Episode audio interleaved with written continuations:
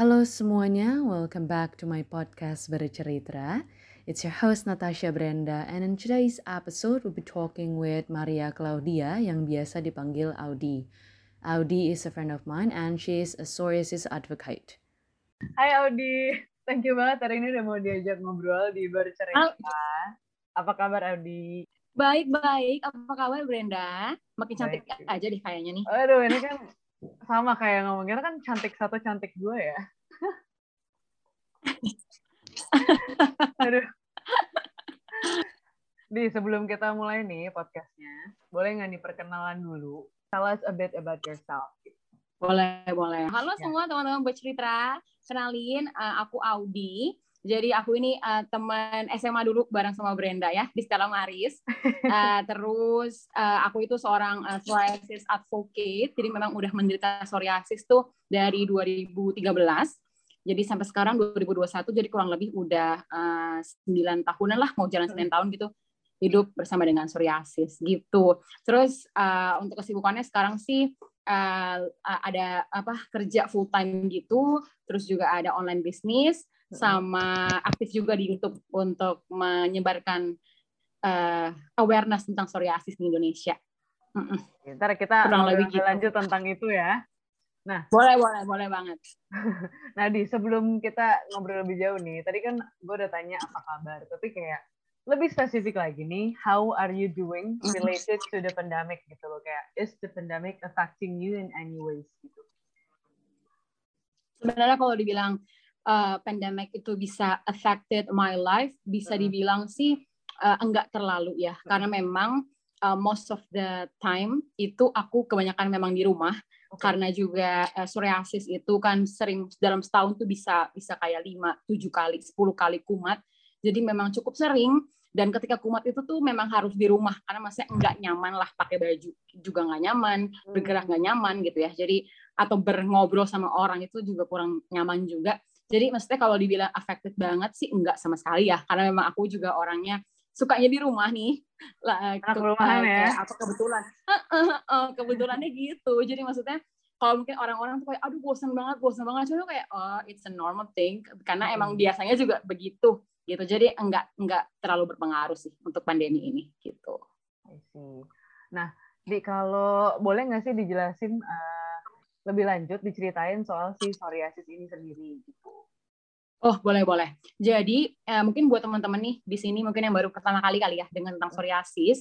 Jadi psoriasis tuh eh, sakit autoimun yang menyerangnya ke kulit. Jadi untuk lebih gampangnya aja, dia itu tuh sebenarnya autoimunnya tuh eh, rusak atau ada gangguan gitu. Jadi kalau untuk orang-orang normal mungkin pergantian kulitnya tuh dua minggu. Jadi mungkin bahkan nggak kayak nggak bisa kelihatan gitu kali ya Hmm. saat mereka ganti kulit. Tapi kalau psoriasis tuh hanya 3 sampai dengan 4 hari aja.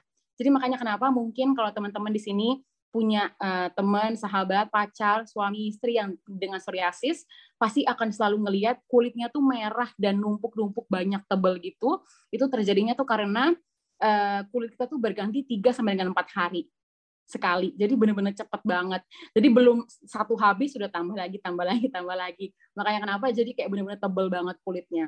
Dan itu rasanya eh, gatel banget, terus nggak nyaman banget karena kan benar-benar jadi ketat dan kering banget ya kondisi badannya. Apalagi kalau misalnya terjadinya tuh di seluruh tubuh, itu akan lebih parah lagi rasanya kayak benar-benar nggak nyaman gitu. Cuma kalau buat aku sendiri sih eh, di awal-awal di 2013 pas kena itu tuh kenanya di kulit kepala dulu. Oh. Jadi awalnya tuh dikira itu pas pas masih SMA, masih SMA kelas 1. Aku inget banget itu awalnya tuh dikira mungkin karena anak remaja kali ya. Jadinya kurang bisa menjaga kebersihan, kurang bisa menjaga higienitas. Terus pergilah nih ke dokter. Awalnya tuh di selangkangan dan juga di eh, kulit kepala gitu ya. Oke. Terus kata dokternya, "Oh, ini jamuran." Hmm. Terus kita percaya aja gitu dan dokternya bilang, "Oh ya, karena Audi ini masih anak SMA nih, remaja nih, jorok ya. Jadi belum bisa deh menjaga kebersihan." Ya udah, kita percaya. Akhirnya kita ikutin tuh pengobatan, pakai obat dan segala macamnya. Cuman eh, itu hanya bertahan kayak dua mingguan gitu. Masuk Hmm. minggu ketiga, si kering-keringnya ini tuh nyebar banget dari kulit kepala. Kan tadi udah ya di bagian selangkangan tadi, terus dia ke kulit kepala, terus dia turun ke muka, dia turun ke badan, akhirnya seluruh badan itu full sama psoriasis. Awalnya uh, panik, sempat panik banget. Terus pergilah ke dokter, salah satu dokter gitu di, uh, di, di Gading Serpong. Terus di sana baru deh langsung terdiagnosa, uh, oh ibu kan uh, perginya waktu sama mama aku ya. Terus oh ibu ini anaknya uh, menderita psoriasis dan ini adalah sakit seumur hidup tidak ada obatnya. Coba kalian bayangin gimana rasanya anak remaja kelas 1 SMA yang aktif dulu kan memang aktif banget juga di, di sekolah iya. terus banyak kegiatan tiba-tiba dibilang kena sakit seumur hidup nggak ada obatnya terus itu benar-benar nggak mungkin nggak percaya sama sekali hmm. nggak hmm. mungkin dok ini pasti salah segala macam terus akhirnya malah disalah-salahin sama dokternya mungkin karena kamu hidupnya nggak sehat karena kamu gini karena kamu gitu jadi akhirnya membuat kayak self denial gitu kalau gue nggak sakit psoriasis ini hanya hmm. bohong aja gitu kan. Terus ya udah tapi pas pada saat buka Google segala macam juga ah ini nggak mungkin deh ini nggak mungkin nih Audi kena psoriasis gitu. Akhirnya cari second opinion waktu itu akhirnya memilih untuk pengobatan semacam herbal gitu. Ada pengobat di daerah uh, Gading eh di daerah Tangerang. Pergi ke sana kurang lebih kayak berapa bulan gitu Cuman mungkin kurang cocok karena pengobatan yang di Tangerang itu tuh dia karena herbal ya. Dan jadi itu dia tuh kayak mengeluarkan semua gitu. Untuk sakitnya itu dikeluarin dulu katanya tuh detox ya kan? Pada saat itu aja tuh udah menderita banget. Apalagi harus dikeluarin lagi jadi semakin menderitanya parah banget. Dikeluarin dikeluarin. Akhirnya cuma bertahan juga cuma beberapa bulan aja terus abis itu akhirnya enggak udah deh aku bilang ke mama aku enggak aku udah nggak bisa ini udah terlalu terlalu menderita udah nggak bisa sakit. Ya udah akhirnya stop. Nah setelah dari situ uh, dapat juga rekomendasi dokter lainnya di daerah Cikini. Nah baru nih ke dokter. Nah di dokter yang ini tuh akhirnya terlihatlah mulai sedikit-sedikit perkembangan. Bagus tiba-tiba surat hilang. Wih kalau Brenda seringnya ngeliat aku di sekolah tiba-tiba aku hmm. bisa bersih banget ya kan? Tiba-tiba bisa sakit lagi. Itu sebenarnya tuh ada obat yang namanya steroid. Mungkin buat teman-teman di sini banyak mungkin tahu ya tentang obat itu. Dan itu harus hati-hati banget. Karena steroid ini sendiri itu kan obat aku dulu selalu bilang itu obat magic. Karena ketika aku pakai obat itu tuh aku langsung sembuh benar-benar ya instan. Instan. Langsung mulus mulus mulus mulus mulus. Jadi aku kayak um, keren banget nih obat. Akhirnya ketergantungan lah dengan obat itu. Hmm. Akhirnya ini bodohnya juga sih aku dulu akhirnya sampai kopi-kopi resep dari dokter. Harusnya nggak boleh kopi resep, tebus-tebus terlalu banyak, pakai-pakai setiap saat yang berlebihan. Akhirnya di mana itu menghancurkan tubuh aku sendiri. Jadi sekarang aku tuh punya kayak banyak banget stretch mark gitu. Dan stretch mark itu bukan yang kayak yang ringan-ringan aja gitu, bener-bener yang parah banget di seluruh badan, di perut, di punggung, di tangan, di kaki. Jadi itu semua karena steroid. Jadi makanya aku juga selalu bilang sih hati-hati banget sama yang namanya steroid karena itu kan parah banget gitu ya. Dan hmm. gitu jadi setelah aku udah tahu nih efek buruk dari steroid di 2015 uh, eh, akhir SMA pas udah selesai SMA itu akhirnya aku memutuskan untuk berhenti mempergunakan steroid dan kembali lagi ke herbal gitu sampai hari ini. Jadi kurang lebih aku herbal tuh udah mau enam tahun lah berjalan dengan herbal dan puji Tuhannya eh, berat sih memang berat banget karena herbal hmm. ya nggak ada instan. Cuman akhirnya aku belajar gitu untuk untuk lebih sabar lagi untuk lebih menghargai lagi bahwa proses itu penting. Karena kalau terlalu cepat juga akhirnya yang kita dapatkan di akhir itu juga nggak sebagus itu gitu. Padahal kalau misalnya kita berproses kan nanti at the end kita akan menikmati hasilnya juga lebih baik gitu. Kurang lebih gitu sih panjang banget ya guys. Gak apa-apa nah, di tapi kan uh, tadi uh, lo dicerita kalau kayak perjalanan dari begitu tahu sampai pada akhirnya mencoba obat-obatan ini dan akhirnya sampai sekarang udah settle nih dengan obat-obatan herbal gitu ya. Tapi kan itu lebih kayak yang eksternal. Tapi kalau lebih ke internal, kalau menurut Audi nih, gimana uh, kayak how did you cope with that gitu loh? Uh, sebenarnya ini uh, mungkin agak-agak lucu kali ya, soalnya memang dari awal aku sakit psoriasis itu uh, kendala aku tuh cuma satu. Aduh, karena psoriasis ini kan menyerangnya kulit, orang hmm. akan lihat. Audi nggak bisa pakai baju seksi lagi, nggak bisa pakai celana pendek, nggak bisa pakai tank top. Itu masalah terbesar pada saat itu ya. Yeah, iya, Dan juga aku mikirnya, aduh, Audi nggak bisa punya pacar nih. Jadi itu hmm. sesimpel itu loh ketakutan aku saat itu. Dan ketika, maksudnya one day aku bisa ketemu orang yang cocok, bener-bener menerima apa adanya. Jadi itu kayak hah? Berarti ada nih laki-laki kan ternyata yang mau menerima Audi dengan kejelekan keburukan yang mm, aku aja tuh suka kesel. Aduh pasti jorok dan segala macam. Itu mereka dia tuh bisa melihat sisi lain dan oh kamu tuh lebih dari psoriasis ini. Jadi jangan jangan jangan khawatir gitu kalau misalnya nggak ada yang mau berteman atau suka sama kamu. Akhirnya lama kelamaan hal tersebut tuh timbul gitu. Jadi maksudnya pas awal aku juga bisa menerima psoriasis kan di tahun 2019 hmm. itu tuh juga gara-gara orang ini gitu karena hmm. ya dia menunjukkan uh, karena emang simpel itu aku kayak takutnya tuh cuman oh nggak bisa pakai baju bagus sama nggak bisa punya pacar udah itu aja ketakutannya jadi nggak ada takut-takut yang aduh gue takut mati nggak ada nah, jadi takutnya tuh simpel banget kan jadi pada saat udah nemu orang yang ini akhirnya pelan-pelan tuh ya udah seiring berjalan waktu semuanya ngikut oh ini udah settle. Oke sekarang masalah masalah baju. Mungkin saat awal-awal bisa pakai stocking. Dulu dulu kan sering sering banget tuh ke sekolah. Setiap hari aku pakai stocking kan stocking warna kulit.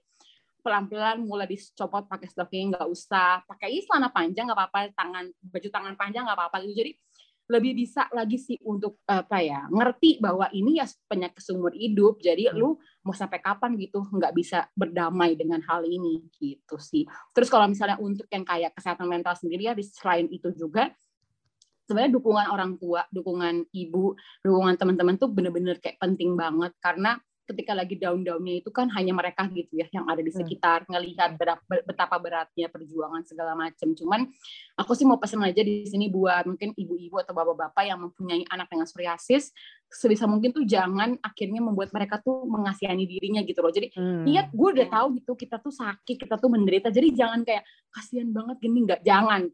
Tapi instead harus bilang kayak enggak kamu kuat, kamu pasti bisa, kamu gini. Jadi jangan malah menaruh titik berat di kesedihannya tapi harus dibangkitkan ha, dibangkitkan lagi gitu ya untuk semangatnya. Karena ya kita juga udah tahu kali kita lagi sakit kita lagi capek lagi sakit menderita semakin kita dikasih tahuin malah semakin down nggak sih? Jadi kenapa enggak dibikin aja ah moodnya dibikin bagus di di dibuat happy jadi diajak jalan-jalan. gitu ya. uh, uh, uh, uh. jadi gitu itu nanti akan bisa mengencourage dirinya atau penyintas psoriasisnya itu gitu. Daripada kalau misalnya orang tua itu ikut sedih kan kita juga jadi kayak aduh salah gue orang tua jadi sedih gitu kan. Iya betul, akhirnya jadi menyalahkan diri lagi, malah yang ada malah semakin lama lagi nih sembuhnya gitu kan atau masuk hmm. masa remisinya. Hmm. Apalagi kalau misalnya kayak psoriasis itu tuh kira-kira pemicu kambuhnya apa tuh? Di kalau misalnya pemicunya itu sebenarnya ada banyak, tapi faktor utamanya banget tuh stres. Jadi kalau misalnya kita tuh lagi stres, ah kita lagi stres yang terlalu berlebihan banget, kepikiran overthinking itu tuh langsung deh, cepet banget.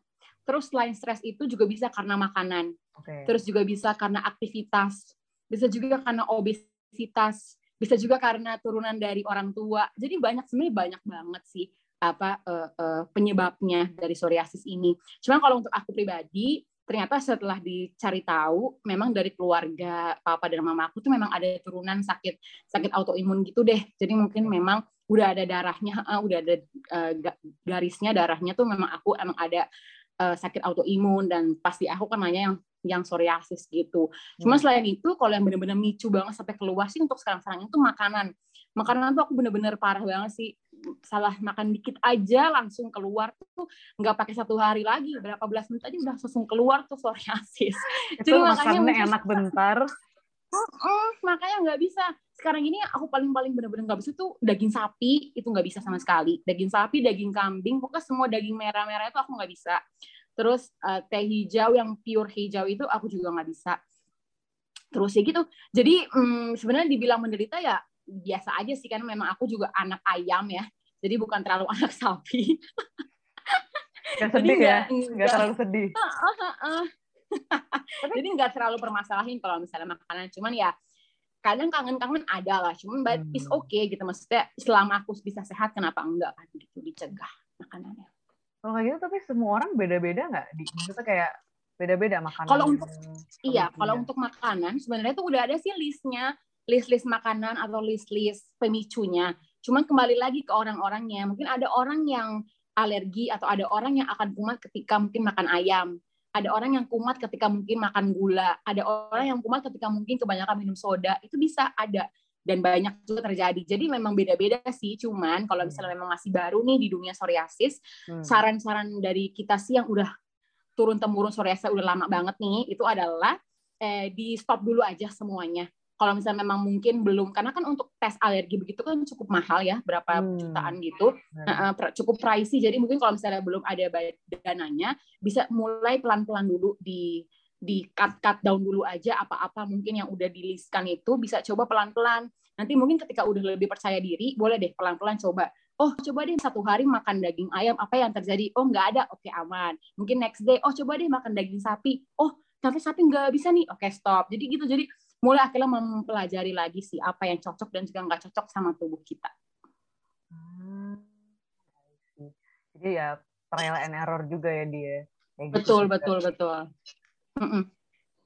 Nah di um, aku mau nanya nih, ada nggak pengalaman terbaik dan terburuk selama kamu um, apa ya semenjak kamu tahu kalau aku punya uh, sakit psoriasis ini? Kita mulai dari yang buruk-buruk dulu kali ya. Boleh, boleh. Kalau misalnya pengalaman buruk, uh, pengalaman buruk itu uh, bisa dibilang sih selalu dilihatin sama orang. Ketika hmm. pergi ke mana pun itu pasti akan selalu dilihatin. Karena mungkin cara aku berpakaian itu mungkin juga agak berbeda gitu ya. Apalagi dulu saat SMA juga, hmm. karena udah nggak bisa lagi pakai stocking, karena mungkin terlalu ketat dan sakit banget kulitnya akhirnya akhirnya harus pakai celana legging gitu warna kulit. Yang di mana itu terlihat berbeda banget. Terus aku dulu dulu juga nggak bisa pakai seragam sekolah karena seragamnya tangan pendek sedangkan sekolah nggak mengizinkan pakai kardigan.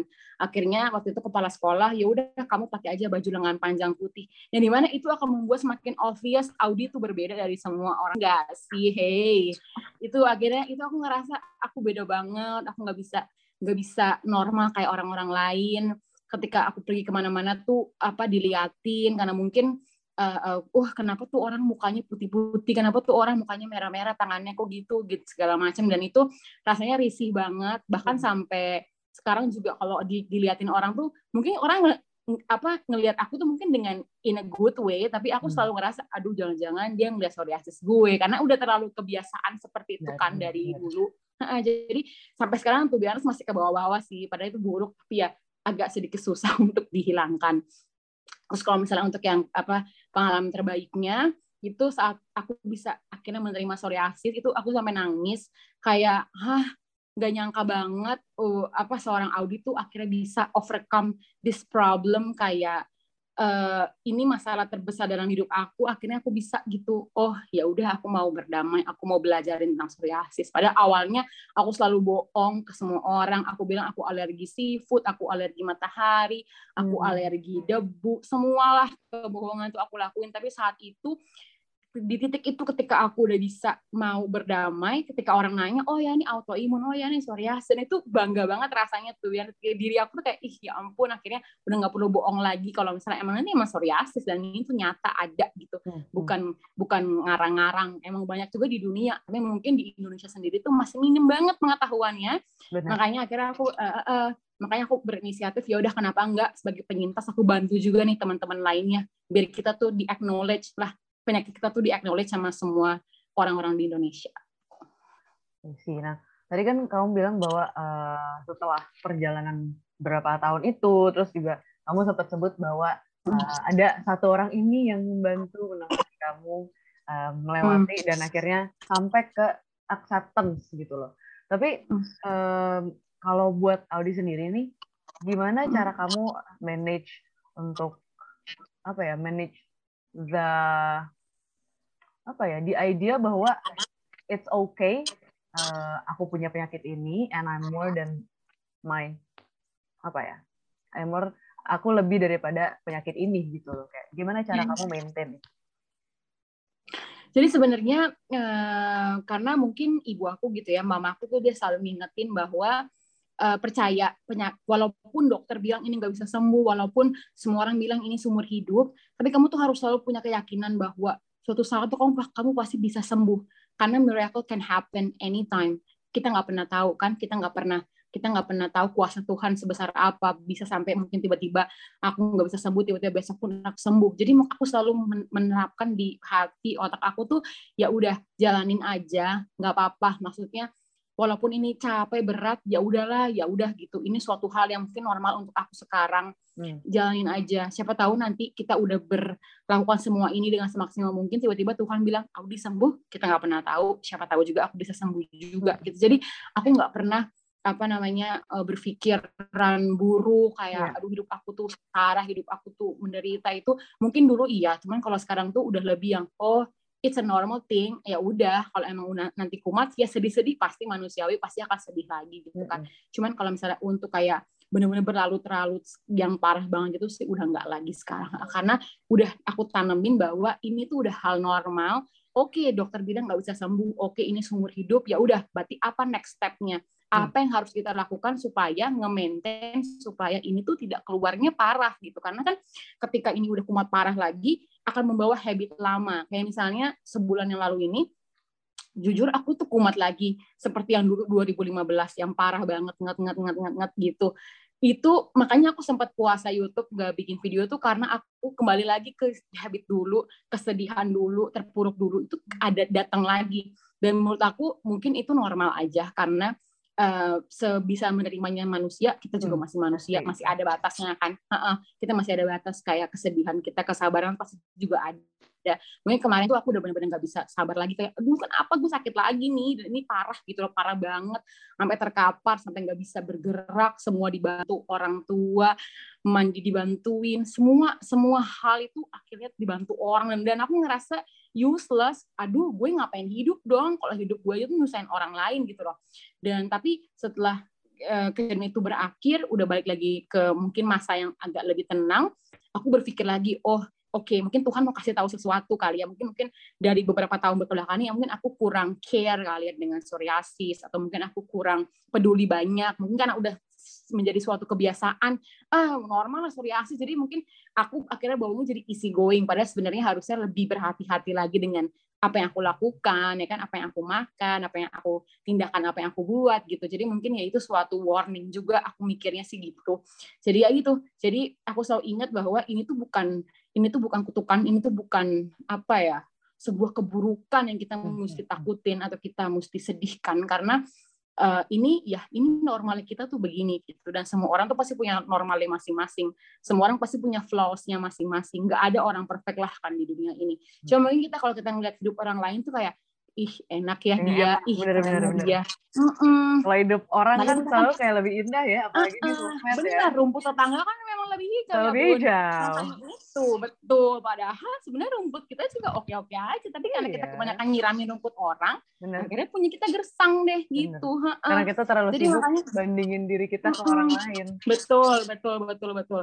Makanya kenapa kita sibuk-sibuk gitu, kenapa nggak? Ya udah kita perbaiki diri aja, bikin aja rumput kita jadi hijau juga gitu. Hmm. Jadi dengan kita bisa berdamai, nggak perlu lah berdamai, at least mau dulu mengakui bahwa psoriasis ini ada. Karena dulu tuh aku nggak mau mengakui. Aku bilang ini nggak ada nggak ada aja, apaan nggak ada penyakit kayak gini. Padahal ternyata setelah aku pelajarin, oh ada. Di Amerika tuh jutaan, ribuan, banyak banget orang kena. Tapi mungkin di, di Indonesia karena sedikit yang dia punya uh, informasinya jadi orang tuh juga malu untuk untuk mengungkapkan dan kebanyakan tuh orang bilangnya ini, ini tuh hanya ketombe parah ketombe parah jadi emang nggak pernah tahu namanya karena mungkin kan pengobatan juga mahal ya.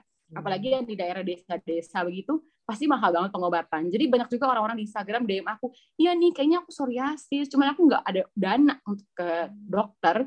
Jadi aku mikir ya ini pasti ketombe aja ya kan Audi padahal pas aku lihat oh enggak bisa jadi itu psoriasis loh. Dan itu butuh peng, pengobatan dan itu juga nggak murah gitu kan. Jadi makanya kenapa enggak kita acknowledge dulu nih pertama-tama psoriasis itu ada terus terus setelah itu mungkin kalau emang belum ada dana ya mau ke dokter bisa kita mulai pelan-pelan. Tadi jaga makan yang tadi jaga jaga kesehatan. Jangan stres paling penting hmm. jangan stres karena stres tuh parah banget parah banget musuh terbesar dari psoriasis tuh stres. Nah ini kan menurut aku tuh kayak you're very wonderful kayak aku tuh dari SMA kan aku tahu suaranya bagus sekali gitu kan. Dulu Audi kan suka menang bersama bandnya ya Mas Enku. Mas Enku aduh kangennya weh shout out ya. Terus udah gitu sekarang um, Audi sampai udah bikin YouTube dan juga videonya tuh udah banyak banget. Nah kalau misalnya dari Audi sendiri nih um, aku mau nanya dua nih terkait soal YouTube-nya. Uh, yang pertama apa aja yang dibagikan di dalam si YouTube? Hmm. Aku udah nonton beberapa sih di sebenarnya. Wih. Aduh. Terus yang kedua, alasan hmm. kamu membagikan hal-hal um, itu. Gitu. Hmm. Jadi kalau misalnya untuk YouTube-nya, itu di sana tuh aku memang fokusnya untuk kepada psoriasis. Cuman selain psoriasis sih, aku juga ada ngebahas-bahas juga tentang apa pengalaman kuliah di Malaysia, terus hmm. juga vlog jalan-jalan, ya adalah campur-campur gitu. Cuman untuk main fokusnya sih atau temanya itu lebih kepada psoriasis gitu. Dan kalau tujuannya apa? Seperti tadi yang udah aku bilang juga, hmm, kesadaran tentang psoriasis di Indonesia itu sangat-sangat rendah. Dulu saat aku 2013 aku search tentang psoriasis, itu tuh hampir semua artikel tuh dari luar negeri. Jadi semua orang-orang juga yang nge-publish di Instagram gitu-gitu juga kebanyakan orang-orang luar negeri. Jadi aku ngerasa oh mungkin karena ini kali ya, karena kan mereka pakai bahasa Inggris gitu kan. Jadi mungkin orang-orang Indonesia nggak semuanya bisa berbahasa Inggris dengan lancar. Jadi mungkin hmm. mereka juga kurang nyaman untuk berinteraksi, nanya-nanya, ya kan, DM-DM-an. Mungkin jadi kurang susah karena ada language barrier itu. Jadi aku mikir, oh kenapa enggak ya, kayak aku bikin nih di, di YouTube, jadi salah satu uh, advocate dari Indonesia. Karena dari Indonesia sendiri yang aku tahu tuh baru ada beberapa aja termasuk aku gitu. Dan yang untuk fokus di YouTube tuh baru ada aku gitu. Jadi menurut aku ini suatu kesempatan juga kenapa enggak kita ngebantu lebih banyak orang lagi. Jadi jangan sampai ada audi-audi lainnya yang merasa takut merasa hmm. sendiri merasa terkucilkan gitu sih. Jadi lebih kepada mau menyadarkan masyarakat Indonesia bahwa psoriasis ini ada dan memang kita tuh tidak menular karena mungkin banyak kali ya. Apalagi orang-orang yang di pedesaan begitu kan kurang ada expose dengan dunia uh, internet mungkin. Jadi ketika ngelihat orang yang bersisik dikit, ketika ngelihat orang yang mungkin badannya tuh kering-kering, mereka tuh inger nih, ih, menular jadi gitu, dijauhin gitu ya. Hmm, jadinya dijauhi, jadi nggak mau ditemenin. Akhirnya kan membuat stres orang psoriasis, padahal stres tuh nggak boleh. Jadi semakin makin stres, parah. semakin sakit, tambah parah, benar. Jadi maksudnya ya ini nggak menular. Jadi dengan kalian berteman sama kita, pegangan tangan, rangkulan, makan bareng, ngobrol, kalian nggak akan kena. Psoriasis tuh nggak bakal sumpah nggak bakal. Karena ini memang tidak tidak akan menular. Ini tuh dalam darah kita dari turunan gitu. Hmm. jadi tidak akan menular. Dan juga mungkin banyak yang takut ya Brenda. Kalau yang aku lihat ya banyak yang takut apa apalagi kalau misalnya kita perempuan nanti akan menikah terus punya anak kan. Mereka tuh hmm. takut anaknya tuh kena psoriasis. Padahal yang aku tahu ya correct me if I'm wrong, mungkin di sini pendengar uh, bercerita Brenda, Brenda tahu tentang hal ini. Cuman dari aku sering pelajarin, kalau misalnya ibunya atau bapaknya yang kena psoriasis, anaknya uh, mungkin hanya uh, 70 sampai 80 persen aja bisa kena, tapi nanti mungkin cucunya itu bisa lebih tinggi lagi skala kenanya. Jadi maksudnya jangan takutlah untuk ber komitmen dengan lawan jenis atau berumah tangga itu jangan takut. Karena maksudnya kalau misalnya ibu atau bapaknya aja udah kuat warrior psoriasis kenapa enggak sih kita mereka kan melanjutkan lagi nih. Kalau mungkin nanti mungkin anak kita atau cucu kita kena kan kita tahu cara handle-nya lebih gampang hmm. berarti. Jadi gitu jangan akhirnya malah menutup diri nggak mau membuka akhirnya sendiri seumur hidup kan kayak sedih juga dan sayang juga gitu. Padahal sebenarnya sih nggak ada masalah dan jangan ada yang ditakuti I Nah berarti berarti kamu juga ngerasain uh, walaupun sebenarnya tujuan awalnya adalah kamu pengen sharing nih ke teman-teman di luar sana, baik yang um, mengidap psoriasis maupun yang tidak tentang si psoriasis mm. sendiri. Tapi kamu uh, menurut kamu kamu ngerasain sih nggak sih di kayak ngerasain um, efeknya atau perannya community terhadap diri kamu sendiri gitu loh. Kalau misalnya efeknya jujur iya ngerasain banget. Jadi semenjak aku bikin itu tuh jadi semakin banyak, banyak banget. Jadi orang-orang tuh akhirnya mau bercerita, akhirnya mau bikin Instagram story. Simple aja deh Instagram story dulu, akhirnya mau ngasih tau ke teman-temannya, eh guys, hai, gue ini nih, gue punya sakit psoriasis, psoriasis tuh apa. Jadi dari langkah kecil yang aku pikir tuh, oh ya udahlah yuk sharing, ternyata orang-orang tuh nanggapnya hal yang besar dan mereka tuh ngerasa, aduh gue punya support system. Karena sebenarnya banyak juga orang-orang tuh yang yang tidak didukung oleh orang tuanya sendiri dengan dia punya psoriasis ini. Jadi ketika aku mulai buka suara, mereka ngerasa oh gue jadi punya support system, gue jadi punya orang yang mau menerima gue apa adanya nih. Dia juga sakit begitu, jadi gue juga nggak sendiri gitu. Jadi akhirnya mulai mulai mulai dari situ dia mulai uh, mengedukasi teman-temannya, mengedukasi apa teman-teman sekolah, guru-guru. Jadi itu kan udah hal yang bagus banget ya. Karena semua itu kan dimulai dari circle paling kecil. Gimana caranya kita bisa nyaman dan aman di dekat mereka ya dengan cara kita memberitahu apa yang terjadi sama kita gitu. Hmm. Jadi aku merasa impactnya besar banget. Jadi mereka tuh benar-benar bisa akhirnya tuh senang dan juga aman lah. Oh gue nggak sendiri, gue punya teman-teman nih yang banyak-banyak juga sakit macam gue, ketombean yang banyak-banyak, rontok di mana-mana, rumah nggak pernah bersih, rumah berkulit, itu tenang aja guys, banyak. Kalian tidak sendiri. sendiri. Ya. Oh my god, Jing.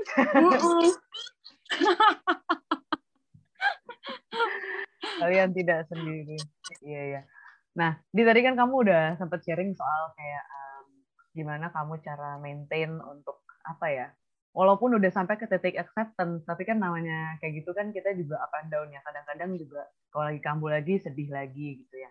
Nah, di kalau misalnya buat kamu sendiri nih, um, what is your version of self care? Uh, untuk self care itu sebenarnya lebih bisa menghargai aja sih. Jadi menghargai dalam arti kata kan sejujurnya sampai hari ini ini aku nggak munafik ya sampai hari ini ketika psoriasis aku kumat itu kebiasaan menggelapkan lampu kamar tuh masih ada banget. Jadi kalau mandi nggak mau lihat badan tuh ya masih ada juga. Jadi bukan berarti kayak aku udah bisa menerima diri aku tuh aku tuh dengan leluasa ngeliatin juga tuh belum begitu gilanya belum. Tapi memang udah jadi lebih nyantai atau udah jadi lebih normal lah nggak yang lebay kayak dulu cuman sekarang itu mungkin uh, ya udah gelapin kamar ya. Apalagi setelah mandi harus pakai salep kan pakai krim gitu. Ya kamar aku pasti akan gelap gulita Brenda. Bener-bener gelap banget. Karena aku nggak mau ngeliat nih aku males ngeliat. Karena kalau ngeliat tuh pasti akan jadinya overthinking kan. Hmm. jadi yang aku lakukan untuk self care tuh ya aku pertama-tama aku menghargai dulu. Aku menghargai setiap misalnya kalau lagi mau kumat yang parah banget hmm. aku tuh uh, liatin tuh si kumatnya. Terus aku ngomong ya udah keluar lagi nih sekarang ya hmm. udah yuk keluar nggak apa-apa. Tapi jangan lama-lama deh aku tuh capek. Soalnya nggak enak rasanya kan kering-kering. Jadi aku berusaha untuk kayak ngajakin ngomong. Mungkin kayak orang gila kali cuma maksudnya ya udah aku ajakin aja ngobrol aja di kulit. Jadi kayak ya udah nah, kamu datang tapi jangan lama-lama aku capek. Soalnya keringnya kan melelahkan. Hmm. terus sebenarnya itu ya works juga sih kalau di aku. Jadi hmm, mungkin kulitnya jadi ketika lagi kering banget ya udah aku omongin juga. Ya udah yuk kita uh, um, mandi air anget yuk kita gini yuk kita gitu. Jadi dia akan jauh lebih kalem juga. Oh. Terus mungkin untuk self care yang lainnya, mungkin aku akan jadi jauh lebih sering untuk make uh, pelembab atau atau krim gitu. Karena itu tuh bener-bener gimana ya mungkin kulit kita kan nggak bisa ngomong. Cuma ketika kita pakai itu tuh mereka jadi ah, kayak nyaman banget. Rasanya tuh kayak enak banget. Kayak aduh tenang udah nggak kering lagi. Karena biasanya kalau aku udah begini ya hmm. kalau lagi kumat parah tuh aku nggak bisa even begini tuh udah nggak bisa. Kayak lurusin tangan tuh udah nggak bisa. Jadi kalau udah bengkok ini tuh begini ya ya sepanjang hari sampai nanti aku mandi lagi pakai sabay baru dia bisa lurus lagi tangannya. Gitu. Hmm. jadi makanya cara aku untuk menenangin dia si kulit kering ini tuh ya ya udah yuk, yuk yuk kita pakai pelembab lagi yuk. Mungkin kalau yang mungkin sehari hanya sekali mungkin kalau lagi kumat parah bisa nanti siangnya pakaiin lagi sorenya pakaiin lagi gitu. Jadi lebih mengerti sih karena memang jujur psoriasis tuh kayaknya tipe penyakit yang butuh dimengerti. Karena kan dia kering banget banget banget banget. Jadi hmm, kalau misalnya kita lebih masa bodoh dengan ini dia akan lebih parah lagi menyakiti diri kita. Jadi kenapa enggak kita lebih care aja nih ke dia? Jangan buat dia sampai kering jangan buat dia sampai apa rontok-rontok di mana-mana. Itu kan juga nggak nggak enak gitu. Jadi menjadikan psoriasis sebagai teman ya. Jangan dijadiin betul betul banget. Betul betul sih Nanti kalau misalnya kamu bisa ngasih pesan ke um, teman-teman yang uh, di luar sana, baik yang psoriasis maupun yang tidak. Kalau pesan untuk teman-teman yang mempunyai psoriasis, aku cuma mau bilang uh, bangga banget sama kalian. Kita itu masuk dalam komunitas di mana penyakit Indonesia ini tuh masih kurang diketahui adanya. Uh, banyak orang juga mungkin salah ngira, dingiranya kita tuh menular, dikira kita tuh penyakit kudisan, penyakit jorok, karena kita nggak bisa menjaga kebersihan. nggak apa-apa guys. Maksudnya jangan dibawa perasaannya. Pasti sih akan baper juga kayak aku dulu juga baper. Cuman berusaha aja ngerti oh mereka tuh salah. Mereka tuh salah hmm. mereka tuh nggak benar. Jadi ya hmm. kalau kita udah tahu mereka salah kenapa kita harus bawa ke hati gitu kan? Kalian tuh keren banget. Uh, ini penyakit mungkin orang orang ngelihatnya ya elah cuma kulit kulit kering aja. Ya elah cuma karena nggak bisa pakai baju seksi aja. Ya elah cuma gara-gara nggak bisa keluar rumah aja. Padahal itu kan beyond that. Kayak mentalnya terukuras. Terus apalagi kalau misalnya kita dulunya tuh bisa ngapain aja bebas tiba-tiba terkurung dengan ini kan pasti itu tekanannya parah banget. Jadi uh, uh, jangan jangan jangan pernah ngerasa kecil, jangan pernah ngerasa terkucilkan, jangan pernah ngerasa kalian sendiri karena enggak banyak banget, banyak banget. Kalau misalnya kalian uh, ngerasa sedih, ngerasa sendiri, nggak punya tempat cerita, nggak punya tempat berkeluh kesah, mungkin juga keluarga atau teman-teman kurang mendukung, feel free aja gitu reach out ke aku karena aku selalu kayak one DM away. Kayak kalau teman-teman mau DM, mau cerita itu aku terbuka banget, bisa kita ngobrol-ngobrol, berbagi keluh kesah itu nggak apa-apa dan yang paling penting tuh harus tahu dulu kalau psoriasis ini tuh ada nyata adanya untuk kalian. Dan berteman dulu aja deh paling penting tuh berteman dulu. Nggak perlulah berkeluar-keluar di luar tentang psoriasis edukasi itu nggak perlu. Yang paling penting tuh kamu dan psoriasisnya dulu. Kita ber, kita berteman dulu aja tuh udah paling utama gitu. Nanti kita kita udah bisa berteman dengan dia mau kalian edukasi kayak aku itu boleh banget 100% aku dukung pastinya. Cuma kalau memang sekarang belum sampai di situ nggak apa-apa. Ya kamu dengan psoriasis dulu aja gitu. Diajak ngomong psoriasisnya. Kalau lagi kumat parah mau nangis nangisin aja. Jangan jangan ditahan-tahan. Karena kalau kamu tahan nanti di kumat selanjutnya akan akan lebih parah. Karena ada rasa sakit hati yang masih ganjel masih ada rasa terpendam gitu kan kamu nggak bisa keluarin semua perasaan itu. Jadi kalau emang mau nangis nangis aja. Mau mungkin orang tua atau adik kakak teman-teman ngomong lebay banget bodoh amat nangisin aja. Karena itu yang karena, kamu yang tahu perasaannya kan kamu yang bisa ngerasain gitu kan. Jadi keluarin aja luapin. Jadi uh, pesan aku sih itu pokoknya kalian keren keren keren keren keren banget. Aku bangga banget bisa menjadi salah, salah satu bagian dari uh, psoriasis community di Indonesia di mana-mana di mancanegara mancanegara macam ini bu. itu kalau buat teman-teman psoriasis. Terus kalau misalnya buat orang-orang luar sana yang mungkin belum tahu psoriasis hmm. kalau semuanya psoriasis itu ada sakit autoimun menyerangnya ke kulit tidak menular.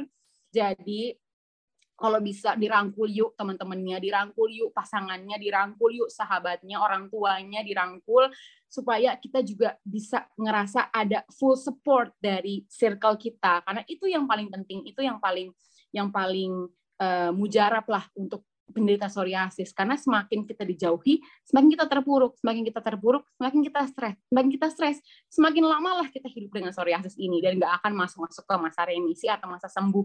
Jadi gitu. Jadi uh, berlagaklah normal lah. Atau perlakukanlah kita itu dengan normal karena kita manusia normal juga. Tapi bedanya mungkin kita kulitnya bertumpuk aja nggak kayak kalian yang murus-murus aja kulitnya. Uh -uh, gitu. Tapi yang lainnya semua kita sama. Sama-sama manusia sama-sama ciptaan Tuhan dan juga sama-sama bisa punya perasaan. Gitu deh. Dini, gue gue jadi punya pertanyaan nih. Uh, tadi kan uh, Mas lo bilang bahwa uh, ya treat kita sebagai yang selayaknya gitu loh. Maksudnya manusia selayaknya hmm. jangan kayak um, dianggap yang berbeda gitu nah kalau misalnya dijelasin lebih detail lagi seandainya misalnya ada yang ketemu uh, psoriasis terus ternyata mungkin lagi kumat misalnya lagi kelihatan di wajah hmm. kira-kira kalau Audi dalam posisi itu kira-kira Audi pinginnya di treat seperti apa kalau dalam posisi seperti itu sebenarnya itu normal banget kalau orang yang nggak sakit terus ngeliatin kita. Itu normal. Mm-hmm. itu nggak apa-apa sebenarnya. Maksudnya ya pastilah namanya juga manusia. Kan suka kang kan kita sebagai kang kepo gitu ya. Jadi kalau ada orang nengok penasaran ya? Oke. Okay. betul betul. Itu nggak apa-apa sih tapi hmm. jangan jadi berlebihan. Maksudnya udah hmm. sekali lihat keponya udah sampai situ aja nggak perlu dilihat sampai nengok sampai muter kepala. Dulu aku sampai digituin. Uh, makanya kenapa aku jadi ngerasa nggak nyaman kan? Karena gitu. Maksudnya diliatin it's normal. Karena kita pun karena kita diri diri kita sendiri aja kalau mungkin ada orang yang berbeda sih kita kan ngeliatin. Tapi udah bukan kita ngikutin liatin atas bawah atas bawah. Nggak kayak gitu. Terus juga aku juga punya uh, uh, cerita nih temen. Teman hmm. psoriasis juga. Dia sampai nggak bolehin uh, nyoba baju di, di department store karena dia punya psoriasis. Coba bayangin Brenda, bayangin aja kayak, hah, apaan anjir? Astaga. Maksudnya lu takut gitu bajunya jadi kena psoriasis gara-gara kita coba? Kan nggak kayak gitu konsepnya. Mungkin kalau sekarang lagi corona ya mungkin itu oke lah kita bisa mungkin bisa bisa menerima alasannya. Cuma kalau lagi dulu dulu masa-masa yang gak ada corona ya kali alasannya oh ya jangan jangan kau punya punya sakit. Aneh banget nggak sih? Makanya kayak normal aja boy kita juga normal kok. Kita nggak kita nggak kenapa-napa gitu. Santai aja pokoknya. Semua pengen boleh nyobain baju. nyebelin banget makanya kan bikin Iya. emosi. Mendingan nanya ya, mendingan nanya iya mendingan nanya gitu. Maksudnya kalau misalnya memang memang nggak dibolehkan mungkin nanya oh ya Iya. kak tanya aja untuk verifikasi aja nih ke orang ini. Lu tuh kayak kulit lu tuh kenapa oke lah Iya. kalau mungkin dia takut kita penyakit menular ya tapi kan ini dia nggak dia nggak pakai nanya nggak pakai apa Hmm. langsung ngomong dengan nada Asumsi. ketus kayak eh kamu nggak boleh ya nyoba baju di sini kayak hah kenapa woi Iya, iya, iya, bener-bener. Bener sih, jadi lagi-lagi emang betapa pentingnya edukasi mengenai psoriasis. edukasi itu dia itu dia makanya ya kita juga mungkin nggak bisa menyalahkan orang tersebut karena memang Ya. minim edukasi cuman Hmm. ya sebagai manusia lah punya lah sedikit perasaan nggak sih Benar. ya ngomong lah at least oh ya nggak boleh oh oh eh, mbak mohon maaf ini eh, bo- boleh tahu nggak ya ini eh, kulitnya kenapa Kenapa? mungkin gitu kan bisa tanya baik-baik kan bisa aja gitu. I see. Nah, terakhir nih, Di, sebelum kita tutup podcastnya, kalau bisa boleh milih untuk ngobrol sama atau ngomong sama diri Audi lima tahun lalu atau lima tahun ke depan, kira-kira Audi bakal milih yang mana? kalau mau ngomong eh, lima tahun yang lalu mau bilang kayak eh lu ngapain? Takut-takut nggak bisa pakai baju seksi nggak bisa pakai baju bagus-bagus. Buktinya nanti lu lima tahun kemudian bisa-bisa aja pakai baju bagus nggak ada nggak ada kendala gitu. Santai. Jadi ketakutan yang yang dulu tuh cuma overthinking aja sebagai anak remaja yang ngelihat semua orang sweet seventeen bajunya cakep banget yang sekolah bisa pakai rok tuh bisa aduh keren deh pendek-pendek ya kan? Itu dulu tuh overthinking banget kayak aduh aku nggak bisa fit the society karena aku Hmm. berbeda. Tapi ternyata enggak Audi enggak. Kamu nggak beda. Ya normalnya kamu gini gitu. Jadi berusaha aja untuk menyesuaikan diri dengan gaya kamu aja gitu. Jadi jangan ngikutin gaya orang. Ya udah orang kayak gitu. Kamu bikin aja gaya kamu sendiri gitu. Cuman kalau- dan kalau untuk diri aku lima tahun ke depan mungkin aku mau bilang eh, apa ya untuk diri masa depan? Eh, semoga sih bisa ini ya lebih menerima. Sekarang mungkin ada adanya di tahap ini 90% Hmm.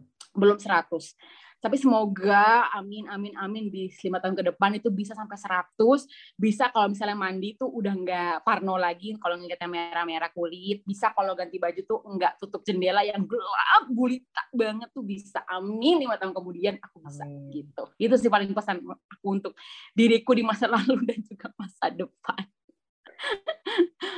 Nah, Di, kalau misalnya eh, ada teman-teman nih yang pengen cari tahu tentang psoriasis, Hmm. boleh kasih tahu nggak nih YouTube channelnya namanya apa? Boleh boleh kalau untuk psoriasis untuk uh, YouTube psoriasis aku adanya di Maria Claudia ID Maria Claudia ID itu adanya di YouTube. Kalau di Instagram mau DM DM boleh juga ada di Audi Udi A U D I U D I gitu. Oke, ini thank you banget hari ini udah a lot of things kayak bener-bener apa ya? Ini malah hal-hal yang pasti pas SMA ya aku nggak nggak pernah tahu lah ya. Jadi Hmm. I really I really think you're very cool and you're beautiful. Um, thank you banget hari ini udah boleh sharing di bercerita. Makasih banget Brenda untuk platformnya. Terima kasih, terima kasih, terima kasih banget. Jadi semoga semakin banyak orang lagi yang paham nih dan ngerti ya dengan apa itu psoriasis gitu. Thank you so much Brenda. Thank you, Adi. See you guys in next episode.